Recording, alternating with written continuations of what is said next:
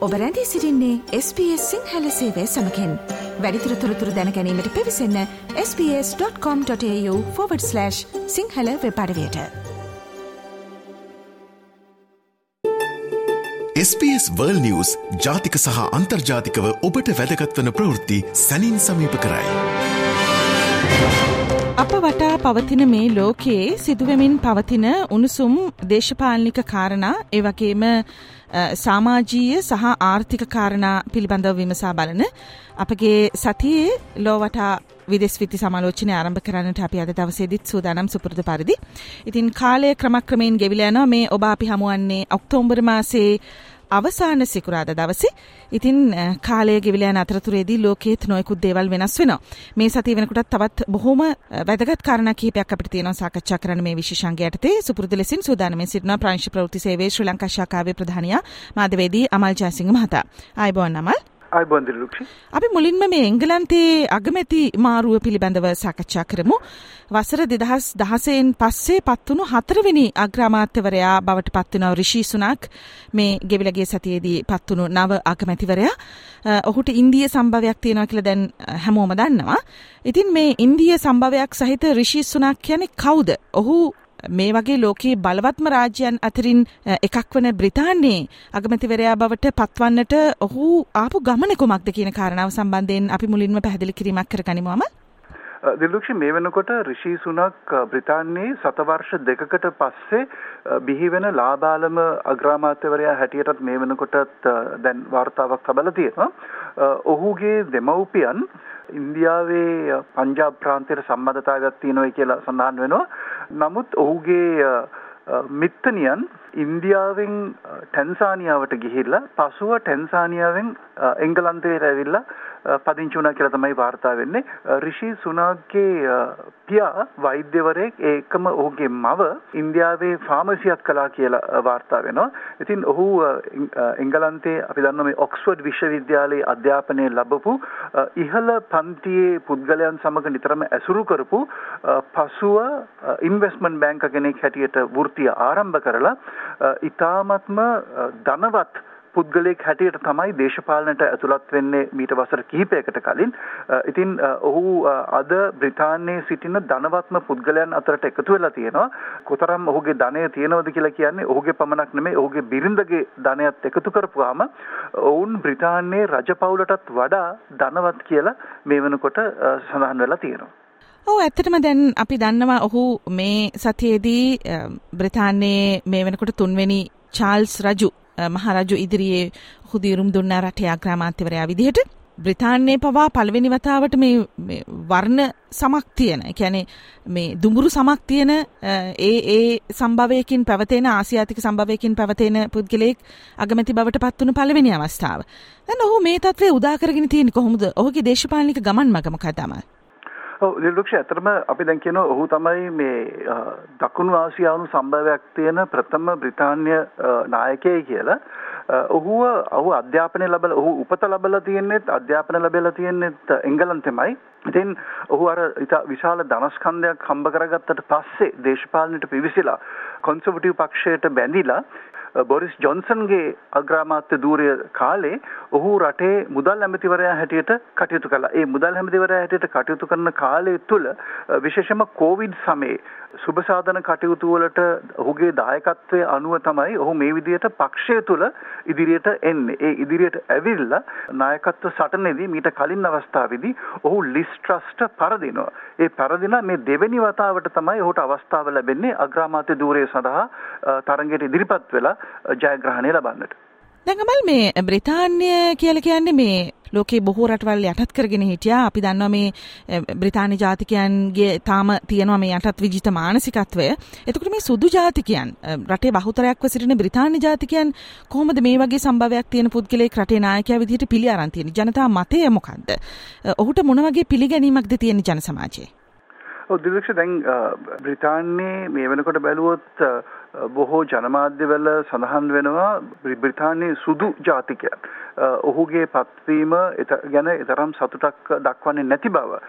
රිෂී සුනක් ඔහු අපි දකුණු ආසියානු සම්භවයක් තිබුණයි කිව්වට ඔහු බ්‍රිතාන්‍යයේ උපත ලබලා ඒ අධ්‍යාපනය ලබලා ඒ ආකල්ප ඇතිව ජීවත් වෙලා ඉතාමත්ම ධනවත් ඉහළම පැලැන්තියේ පුද්ගලයෙක් හැටියට තමයි බොහෝ දෙනෙක් හඳුන්වන්නේ. ඉතින් බ්‍රිතාන්‍යයේ දැනට ජීවත් වෙන අපි බැලුවොත් ආසියානු සම්භවයක් තියෙන පුද්ගලෙනුත් සලකන්නේ ඔහු ඇත්තටම ඒ සුදු ජාතිකයන්ගේ ආකල්පවලට කිට්ටු පුද්ගලයෙක් මිසක්ක ඔහු ජනතාව අතර සිටින ජනතා නායකයෙක් හැටියට නෙමෙයි. විශේෂයෙන්ම පහුගිය කාලේ ඔහු තමන්ගේ පක්ෂයේ නායකත්ව සටනට ඉදිරිපත් වෙන අවස්ථාවේදී ඔහු පෙන්වන්න උත්සාහ කරා ඔහු සාමාන්‍ය ජනතාව අතර ඉන්න පුද්ගලෙක් කියලා. ඔහු මේ පෙට්‍රල් ෂෙඩ් එකකට ගිහිල්ලා තමන්ගේ ඊටාත්ම මේ සරල වාහනයකට ඉන්ධන ලබා ගන්න ඡායාරූප පළ කරලා තිබුණා. පසුව සඳහන් වුණා මේ සරල වාහනේ කියා රියෝ කියන වාහනේ ඇත්තටම ඔහුගේ එකක් නෙමෙයි ඔහු කාගෙන් හරි ඉල්ලගත්තු වාහනයක් කියලා. ඒකම ඔහු මැක්ඩොනල්ඩ්ස් එකට ගිහිල්ලා ඒ මැක්ඩොනල්ඩ්ස් එකේ උදේ ආහාරය ලබා ගන්න ඡායාරූප පළ කරලා තිබුණා. ඔහුගේ ප්‍රතිරූපය හදන්න සාමාන්‍ය පුද්ගලයෙක් බවට. නමුත් පසුව ඒවත් ඒවා දැනගන්න ලැබුණා. ඒවා මේ මාධ්‍ය සංදර්ශන මිසක්ක ඇත්තටම ඒවා මේ ඔහු කරපු දේවල් නෙවෙයි කියලා. ඉතින් ඒ විදිහට බලපුවාම රිෂි සුනක් සම්බන්ධයෙන් අන්තවාදී සුදු ජාතිකයන්ගෙන් ඔහුට පිළිගැනීමක් නැති බව මේ වෙනකොට බ්‍රිතාන්‍ය ජනමාධ්‍ය සඳහන් වෙනවා. ඒකම ආසියානු සම්භවයක් තියෙන පුද්ගලිනුත් සලකන්නේ ඔහු ඊටාත්ම ධනවත් එවත්ම ඉහළම පැලන්තියේ පුද්ගලයෙක් මිසක්ක අර සාමාන්‍ය සමාජයේ සාමාන්‍ය ස්තරයේ ඉන්න පුද්ගලයෙක් හැටියට නෙමෙයි. අපි මීළඟට මේ තාමත් ලෝකේ කතා භාවෙන රුසියා යුක්්‍රේණ ප්‍රශ්නයේ අලුත්ම තත්වය පිළිබඳ විමසා බලමු. අමල් මේ සතිය වෙනකොට අපිට වාර්තා වෙනවා මේ රුසියාව පැත්තෙන් සිදු කරන යම් යම් විශේෂිත ක්‍රියාදාම පිළිබඳව ඔවුන් මේ සබ්මරීන යොදාගෙන බැලස්ටික් මිසයිල් අත්හදා බැලීමේ යුද අභ්‍යාස පිළිබඳව තොරතුරු වාර්තා වෙනවා ඔවුන් සිදු කළයි කියලා. ඊට අමතරව මේ මේ න්‍යෂ්ටික තර්ජනයක් රුසියාව වෙතින් එල්ල වෙනවා කියලත් වාර්තා වෙනවා. මේට මේ ඇමරිකාව ඇතුළු ලෝකයේ බලවත් රාජ්‍යයන් රුසියාව කෙරෙහි දැඩි විමසිල්ලෙන් පසුවන්නේ කියලත් වාර්තා වෙනවා. මොකක්ද මෙහි දැන් මේ වෙනකොට තියෙන තත්ත්වය? ඔව් දිලක්ෂ අපි බැලුවොත් යුක්‍රේනයේ ඇතුලේ දිගින් දිගටම රුසියාවේ ඒ සටන් සිද්ධ වෙනවා ඒකම යුක්‍රේන හමුදාවත් විශේෂයෙන්ම නැගෙනහිර ප්‍රදේශයෙන් ඩොනියට්ස් කියන ප්‍රදේශයෙන් සහ හර්සෝන් කියන ප්‍රාන්තවලින් රුසියානු හමුදාව පළවා හැරීම සඳහා දිගින් දිගටම ප්‍රහාර එල්ල වෙන අතරතුරේ තමයි මේ සතියේ පුටින් ජනාධිපතිවරයා න්‍යෂ්ටික අවි පාවිච්චිය සම්බන්ධයෙන් ඒ පුහුණුවක් එහෙම නැත්නම් ඒ පෙරහරුවක් ඔහු නිරීක්ෂණය කරන්නට යෙදුණා. ඉතින් මේක නිසා තමයි ලෝකයේ දැන් ලොකු කනස්සල්ලක් ඇති වෙලා තියෙන්නේ රුසියාව මේ යුද්ධයේදී න්‍යෂ්ටික අවියක් පාවිච්චි කරයිද කියලා. අර ඔබ කිව්වා වගේ සබ්මැරින වලින් මේ මිසයිල ප්‍රහාර එල්ල කරන ආකාරය මේවා ඇත්තටම න්‍යෂ්ටික අවි භාවිතා කරන ඒ පෙරහුරුවක් තමයි පැවැත්වුවේ. ඒකත් එක්කම රුසියාව මේ වෙනකොට දිගින් දිගටම යුක්‍රේනයට චෝදනා එල්ල කරනවා. යුක්‍රේනය උත්සාහ කරනවායි කියලා අපි කියන මේ ඩර්ටි බොම්ස් කියලා. ඒ කියන්නේ විකිරණශීලී ද්‍රව්‍ය ඇතුළත් අවියාවිත පාවිච්චි කරන්න උත්සාහ කරනවා කියලා. ඉතින් මේ විදිහට චෝදනා කරන්නේ ඇත්තටම රුසියාව එවැනි එවැනි ආයුධයක් පාවිච්චි කරන්නට බලාපොරොත්තු වෙන දෝ කියන ප්‍රශ්නය මේ වෙනකොට බටහිර රටවල් නගලා තියෙනවා. මේ සම්බන්ධයෙන් එක්සත් ජාතීන්ගේ සංවිධානය දැන් ප්‍රකාශ කරලා තියෙනවා යුක්‍රේනය මේ රුසියාව චෝදනා කරන විදිහටම ඒ විදිහට විකිරණශීලී ආයුධ පාවිච්චි කරන්න උත්සාහ කරනවද නැද්ද කියන කාරණාව සම්බන්ධයෙන් එක්සත් ජාතීන්ගේ සංවිධානයේ මැදිහත් වෙලා සොයා බැලීමක් කරනවා කියලා වාර්තා වෙනවා. ඒකම රුසියානු මාධ්‍ය මේ සතියේදී ඔවුන් නිකුත් කළා දර්ශන වගයක් මේ න්‍යෂ්ටික අපද්‍රව්‍ය භාවිතා කරමින් යුක්‍රේනය ප්‍රහාරයකට සැරසෙනවා කියලා. නමුත් ඇත්තටම මේ අවස්ථාවේදී ස්ලොවේනියා රාජ්‍ය ප්‍රකාශ කළා මේ රුසියාව ඉදිරිපත් කරපු ඡායාරූප ඒවා යුක්‍රේන ඒවා නෙමෙයි තමන්ගේ න්‍යෂ්ටික බලා විදුලි බලාගාරවල අපද්‍රව්‍ය වල පින්තූර තමයි මේ රුසියාව නිකුත් කරලා තිබුණේ. මේක රුසියාව ඇත්තටම න්‍යෂ්ටික ආවියක් තමන් පාවිච්චි කරන්න මේ විදිහට ඒක සාධාරණීකරණය කරන්නට මේ විදිහට කටයුතු කරනවා කියන චෝදනාව අසල්වාසී ස්ලොවේනියාවෙනුත් එල්ල වුණා. අද අපිට තියෙන මේ සීමා සහිත කාල සීමාවත් එක්ක මේ අපි ලෝකයේ මේ වෙනකොට ප්‍රමුඛයෙන්ම කතා බහ වෙන කාරණා අතලොස්ස ගැන පමණයි මේ තොරතුරු ගෙනෙන්නේ අද විශේෂංගෙන්.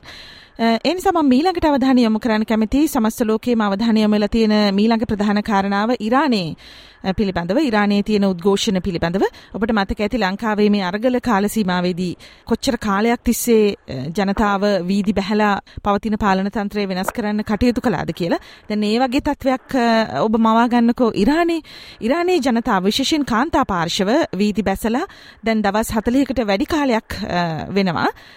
ඉරානයේ මාෂා අමිනිගේ මරණය වෙනුවෙන් විරෝධතා ඉදිරිපත් කරන්නට ඔවුන් මේ සිදු කරන ක්‍රියාදාමේ. කෙටියෙන් මතක් කිරීමක් කරන්න අපි මීට කලිනුත් මේ පිළිබඳව සාකච්ඡා කළා. ඉරාන කුර්දි සම්භවයක් තියෙන මාෂා අමිනි කියන මේ අවුරුදු 22ක තරුණ කාන්තාව මුස්ලිම් සම්ප්‍රදායට පටහැනිව ඇඳුම ඇතම් වලින් සැරසී සිටියා කියලා ඇයව අත්අඩංගුවට ගන්නවා ඉරාන පොලිසිය විසින්.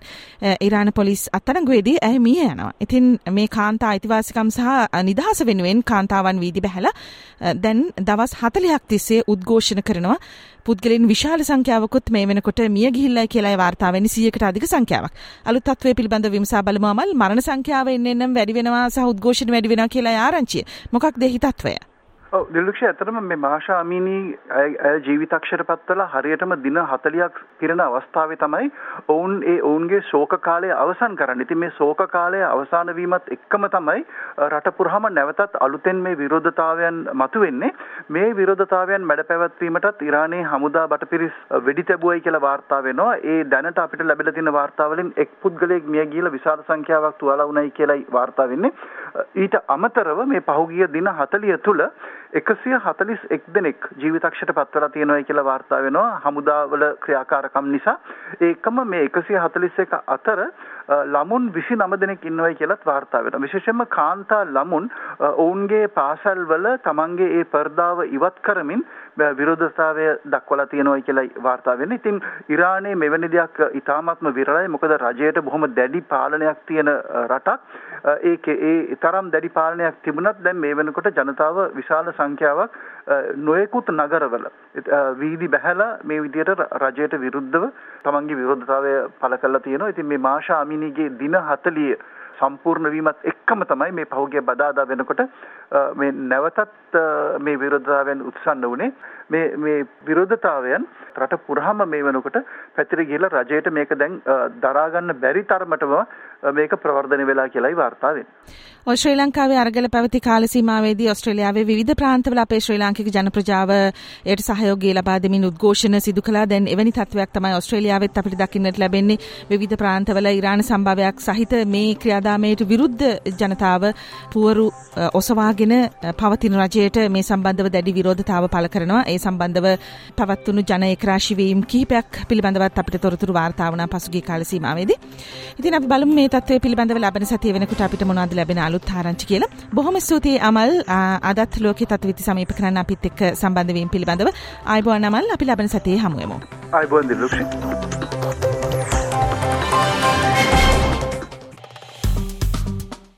ලයි කරන්න ෂයා කරන්න අදහස් ප්‍රකාශ කරන්න SBS සිංහල ෆස්බුක් පිටුව ෆලෝ කරන්න.